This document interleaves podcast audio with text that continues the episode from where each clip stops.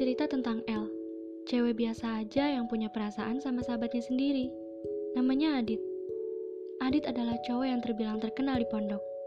Gak sedikit loh cewek yang kagum sama dia. Adik kelas, temannya, kakak kelas, bahkan kesayangan guru. Bagaimana tidak, Adit adalah salah satu santri yang memiliki banyak prestasi. Ngajinya bagus, azannya merdu, hafiz, pinter dakwah pula, pinter agama, pokoknya perfect deh.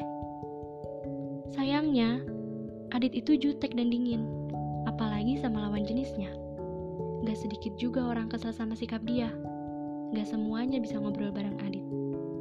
Dan El, dia gak pernah nyangka perasaannya tumbuh gitu aja. Awalnya, El pun gak pernah ngobrol apa-apa.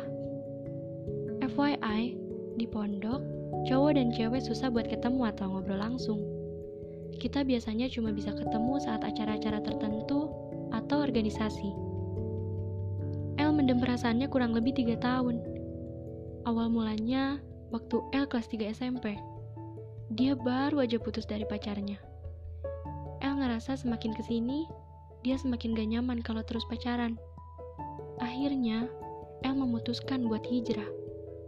Tapi yang namanya hijrah, mau itu di pesantren, mau itu di sekolah, gak sedikit teman-teman yang ngolok-ngolok El.